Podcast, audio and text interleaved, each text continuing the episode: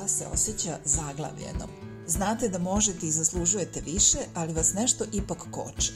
Hajde da zajedno osvistimo koji su to načini razmišljanja i navike koje nas putavaju da napravimo korak dalje ka boljoj verziji sebe. Moje ime je Marijeta Pevec, bavim se coachingom, a u mom podcastu Uzaludno perfekcioniskinja pričat ću o perfekcionizmu – kako se sa njim borim celog svog života, ali i o drugim navikama i uverenjima koje nas žene sputavaju da postignemo rezultate i uspehe koje želimo. Pridružite mi se u ovom istraživanju sebe, da zajedno otkrijemo šta nas putava, a šta ispunjava, šta nam odmaže, a šta pomaže, šta nas spotiče, a šta podstiče. Slušamo se.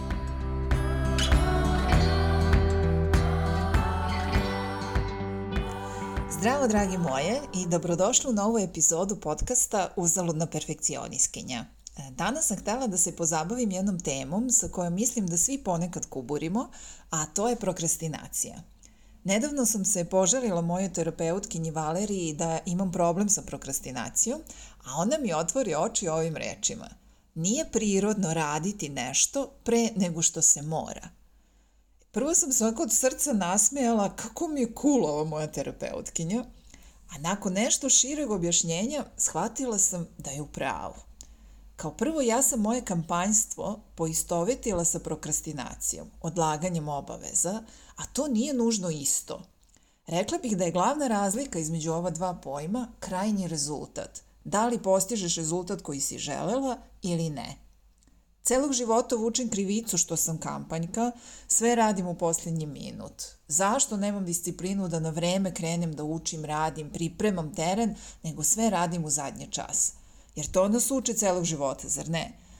Kreni na vreme da učiš i bit će ti lakše kad dođe kontrolni. Uči cele godine, a ne samo pred ispit, manje će ti biti stresno. Napravi plan i disciplinovano ga se pridržavaj i vidjet ćeš uspeh. A da li smo se ikada zapitali da li ja na kraju uradim sve kako treba i na vreme? Ako poštuješ svoje i tuđe rokove, ako je na kraju rezultat odličan, dobar, zadovoljavajući, što je onda bitno kad si počela da ga radiš? Ako si položila ispit, što je bitno kad si počela da ga spremaš? Naravno, ako predugo odlažeš pa zbog toga ne postižeš rezultate, to je druga priča i definitivno treba da se pozabaviš razlozima zašto prokrastiniraš. Ali ako postižeš dobre rezultate, ostvaruješ svoje ciljeve, poštuješ dogovorene rokove, onda nema razloga da se kritikuješ i opterećuješ krivicom zato što si krenula kasnije nego što je trebalo. Kada je uopšte pravo vreme da se nešto počne – Ko to može da odredi bolje od tebe? Moja Valerija kaže da kampanjci imaju dosta precizan unutrašnji osjećaj kada je taj moment kada treba da krenu u akciju. Ako krenu prerano, energija će se raspršiti, inspiracija razvodniti, umorit će se i rezultat opet neće biti dobar. Ako krenu prekasno, neće stići sve da završe, probijaće rokove i opet neće biti zadovoljni rezultatima. Dakle, treba osetiti taj idealni trenutak kada su vreme, energija i inspiracija u skladu i kada se postižu najbolje rezultati. Slušajući Valeriju, odmah sam se setila sobstvenog primera i shvatila da je zaista tako.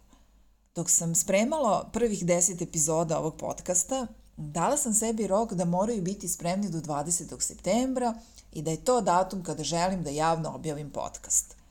Nekoliko nedelja pre toga sam počela sebe da kritikujem kako bi trebalo već da snimam epizode, ima toliko toga što treba uraditi, nemoj da ostavljaš za poslednji minut i već klasično zvocanje koje sebi priredim svaki put. I u tom trenutku pustim tu moju unutrašnju kritičarku da pobedi i nateram se da sednem da pišem o jednoj od tema koje sam odredila. Mučila sam se satima – cedila vodu iz kamena, nigde inspiracije, nikako da nađem pravi način da približim i ilustrujem temu na neki lako razumljiv način. I pomislim tada u sebi, eto kad se siliš nešto da radiš, nije ni čudo što se mučiš. Ostavila sam taj tekst po strani, dozvolila sebi još neko vreme da prokrastiniram i kada sam najzad odlučila da je moment da počnem sa pisanjem, reči su samo tekle iz mene – Nije mi falilo ni energije, ni volje, ni inspiracije. Osjećala sam naboj kreativnosti i za samo nekoliko dana napisala sam svih deset epizoda. E sad, postoji i drugi scenario. Nasuprot ovom kampanjskom pristupu stoji strogo isplaniran plan aktivnosti. Kalendar ti je popunjen, sve je razrađeno do detalja, isplanirano u minut. Iz polja gledano, to deluje kao idealan, odgovoran pristup. Deluje kao da si zrela, odrasla osoba koja je sposobna da neke svoje potrebe zanemari zarad višeg cilja.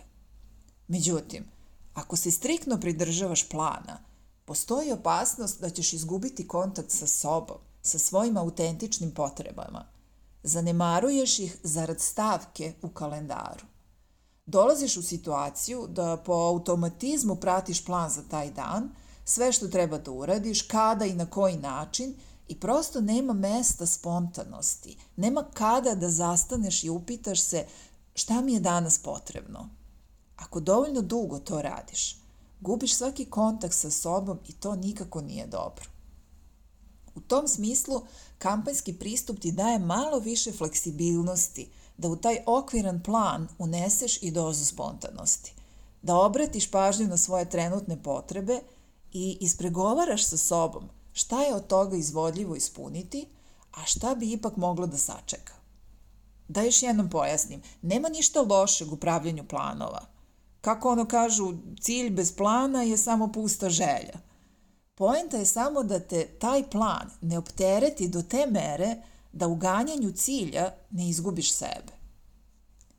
Razgovor sa Valerijom mi je pomogao da prihvatim sebe kao kampanjku, da shvatim da meni taj pristup odgovara i da prestanem da se šibam zbog toga. Umesto kritikovanja, tu energiju treba da uložim u prepoznavanje pravog trenutka kada treba da krenem u akciju.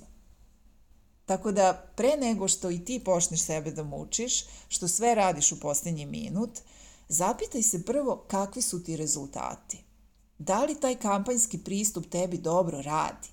Da li je u pitanju neko odlaganje koje te sputava da postižeš rezultate koje želiš ili je u pitanju skupljanje energije i inspiracije da u pravom momentu eksplodiraju?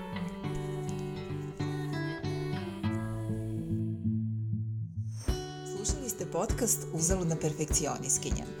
Hvala vam što ste tu, što delite sa mnom svoje vreme, probleme i iskustvo i što imate radoznalost i volju da radite na sebi. Ovaj podcast možete pratiti na podcast platformama poput Spotify-a i Google podcasta, a svi linkovi su u opisu ove epizode. Ukoliko ne želite da propustite sledeću epizodu, možete me zapratiti na podcast platformi koju koristite. Pozdravljam vas do naredne epizode.